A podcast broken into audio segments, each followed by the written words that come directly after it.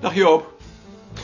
Eh, we moeten onze vakanties voortaan opgeven aan E- Erik Zandgrond. Omdat Meijerink met pensioen gaat. Juist. Wordt de draaideur echt weggehaald? Ja,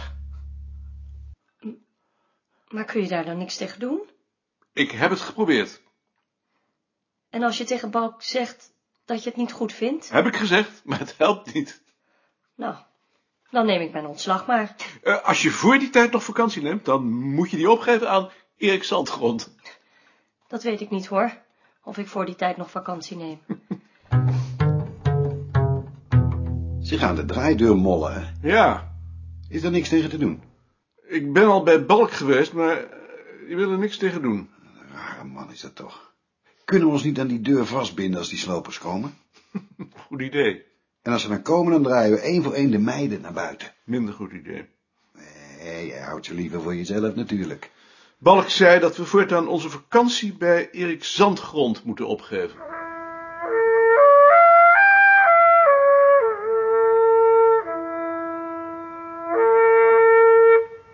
Dat midwinterhoorn blazen, dat gaat terug op een laat-middeleeuwse dramatisering van de geboorte van Christus. In de kerstnacht, in de kerk. En het heeft zich waarschijnlijk beperkt tot het bisdom Münster. Hoe weet je dat nou ineens? Dat veronderstel ik. Je veronderstelt het. Ik heb een aantal verbodsbepalingen gevonden waaruit blijkt dat de kerk zich in de 18e eeuw tegen dat gebruik keert, omdat het een bende wordt. En waarom is het dan laat middeleeuws? Toen deden ze zulke dingen. Hm.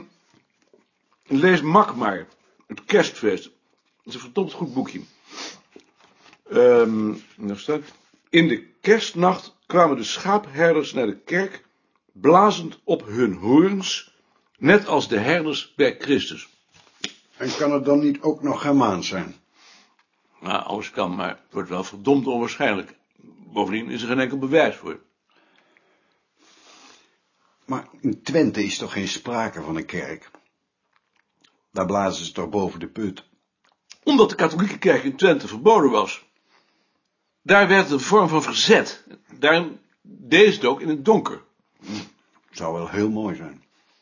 Prachtig zelfs. Want waarom verdwijnt het in de 19e eeuw? Omdat de katholieken geëmancipeerd worden. En dat maakt weer vrij baan voor Van der Ven, die in het begin van de 20e eeuw de laatste resten tot Germaans kan verklaren, waarna het na de Tweede Wereldoorlog door het opkomende Twentse regionalisme nog eens een nieuw leven krijgt ingeblazen. Het is een schoolvoorbeeld van wat er met een gebruik kan gebeuren onder invloed van de veranderingen in de cultuur. Dat schrijf je toch zeker wel op? Tuurlijk.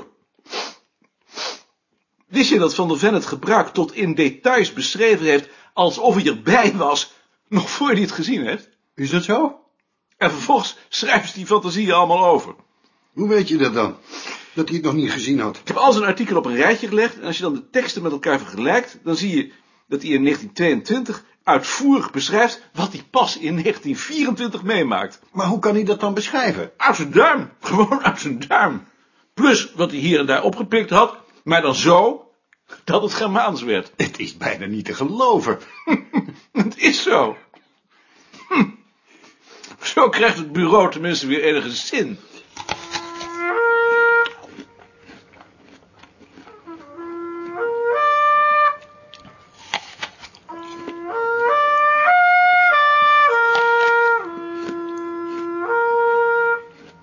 Bij de laan van Eck en Duinen stapten ze uit.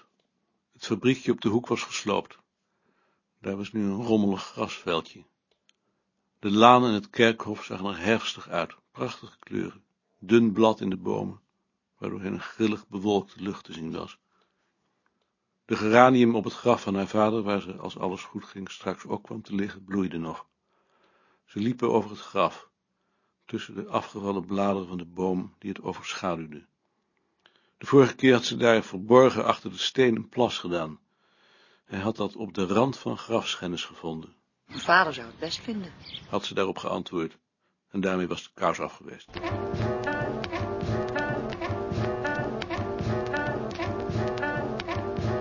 Hij keek toe terwijl ze de pot met geranium uit de grond frikte en in een plastic tas deed.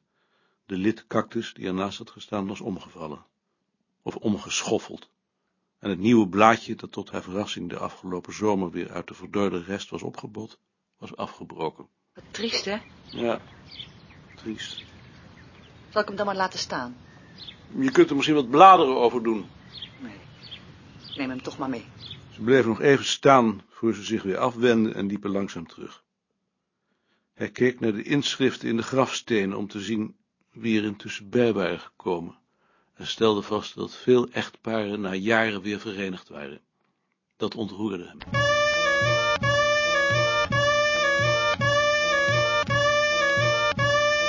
Ze liepen de Mient af en door de Weimarstraat.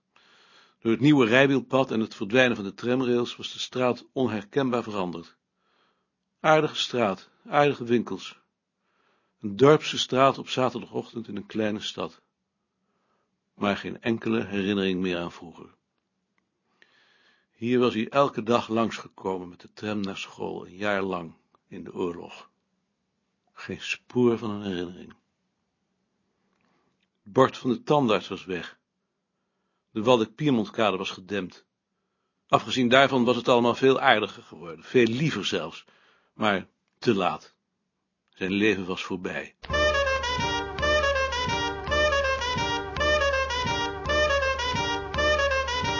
Beetje slaperig liep hij om zich heen te kijken. Ook wel gelukkig.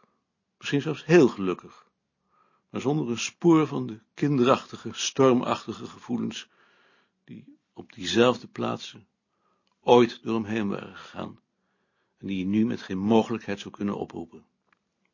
De Van Diemenstraat, het Piet Heinplein, het Noordeinde. Het was moeilijk te verdragen dat alles onherroepelijk voorbij was. Hij kon zich voorstellen dat iemand op grond van zoveel verlies tot een religieuze constructie kwam, die dat enigszins draaglijk maakte. Op de leeftijd die hij nu had, had zijn vader zich laten dopen, nadat hij al jaren eerder, tot zijn verrassing, na de maaltijd uit de Bijbel was gaan voorlezen. Maar dat ging hem toch weer veel te ver. Bovendien, voor wat hij zelf miste, had het christendom geen alternatief en hij was er zeker van dat zijn vader dat gemis nooit gevoeld had. Die keek vooruit en verbood zichzelf om te zien. Ze dronken een espresso op de plaats. Ze dronken de koffie in een hoek met uitzicht op de etalage van de firma Van Doren en meer naar rechts op de Vijverberg en het groen uitgeslagen beeld van Johan de Wit. Mijn moeder zei altijd dat daar alleen rijke mensen konden kopen. Daarom heb ik zo de pest aan rijke mensen. Hij keek naar de opgedirkte burgerjuffrouw die voor de etalage bleef staan en probeerde zich iemand voor te stellen die in die categorie thuis hoorde, zonder daarin te slagen. In zijn ogen was Nicolien aristocratisch. Ook al zou ze nooit in zo'n winkel kopen. Het was een probleem dat hem in tegenstelling tot haar niet interesseerde. Ze liepen door het Noordeinde over het Buitenhof en langs de Vijverberg naar de posthoorn en aten daar een boterham. Het voorhout lag achter het hoge, onberispelijk gewassen raam, herfstig onder de gele bomen in de zon. Het was als met zoveel dingen, bedacht hij. Als hij niet dood zou gaan, zou hij daar eeuwig kunnen zitten en zich intens gelukkig voelen. Maar zijn sterfelijkheid maakte hem onrustig. Het echte geluksgevoel kwam altijd pas nadat hij was opgestapt.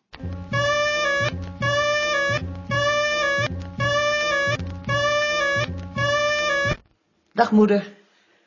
Dag, kind. En daar is Maarten. Nou, geef je moeder ook eens een zoen. Dag moeder. Wat komen jullie doen? We komen een beetje met u wandelen. Oh, Vindt u dat niet leuk? ja. Maar dan moet u eerst uw vruchtensap opdrinken.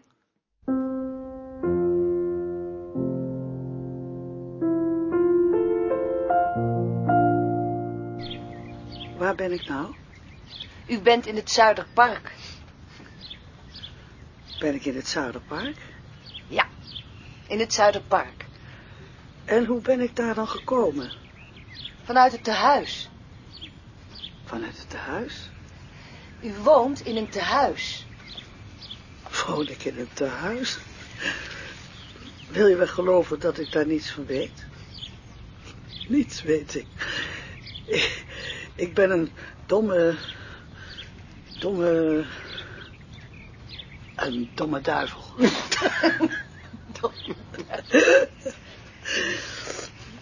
Dan zit ik ineens in het gras en dan weer op de wc, zonder dat ik weet hoe ik daar gekomen ben. Maar gelukkig weet ik nog wel wat ik daar moet doen.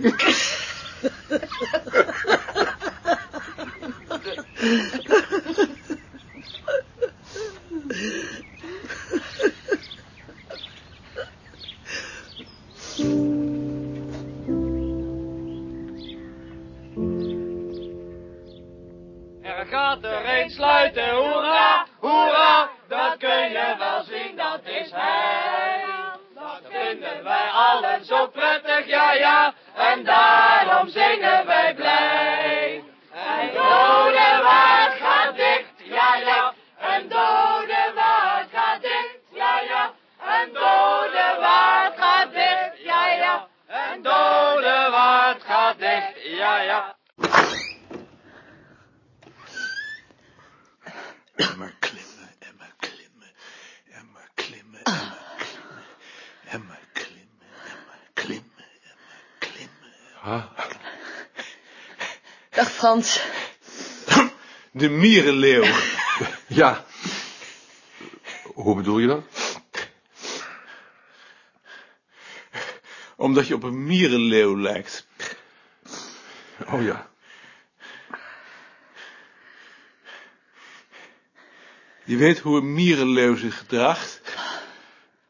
Jawel. Die blijft in zijn gangetje zitten tot een mier vlakbij is. Oh. Zo bedoel je. Waarom doe je dat eigenlijk? Ik ik denk omdat ik het niet zo aardig vind om iemand de trap op te zien komen. Waarom niet? Omdat hij dan weerloos is. Dan kun je bovenop hem springen. Ja. Zoiets. Vind je dat gek? Weet je wel. Ik begrijp het best hoor. Ja, dat dacht ik toch ook. Zal ik een kop koffie maken? Ja, graag. Oh, graag.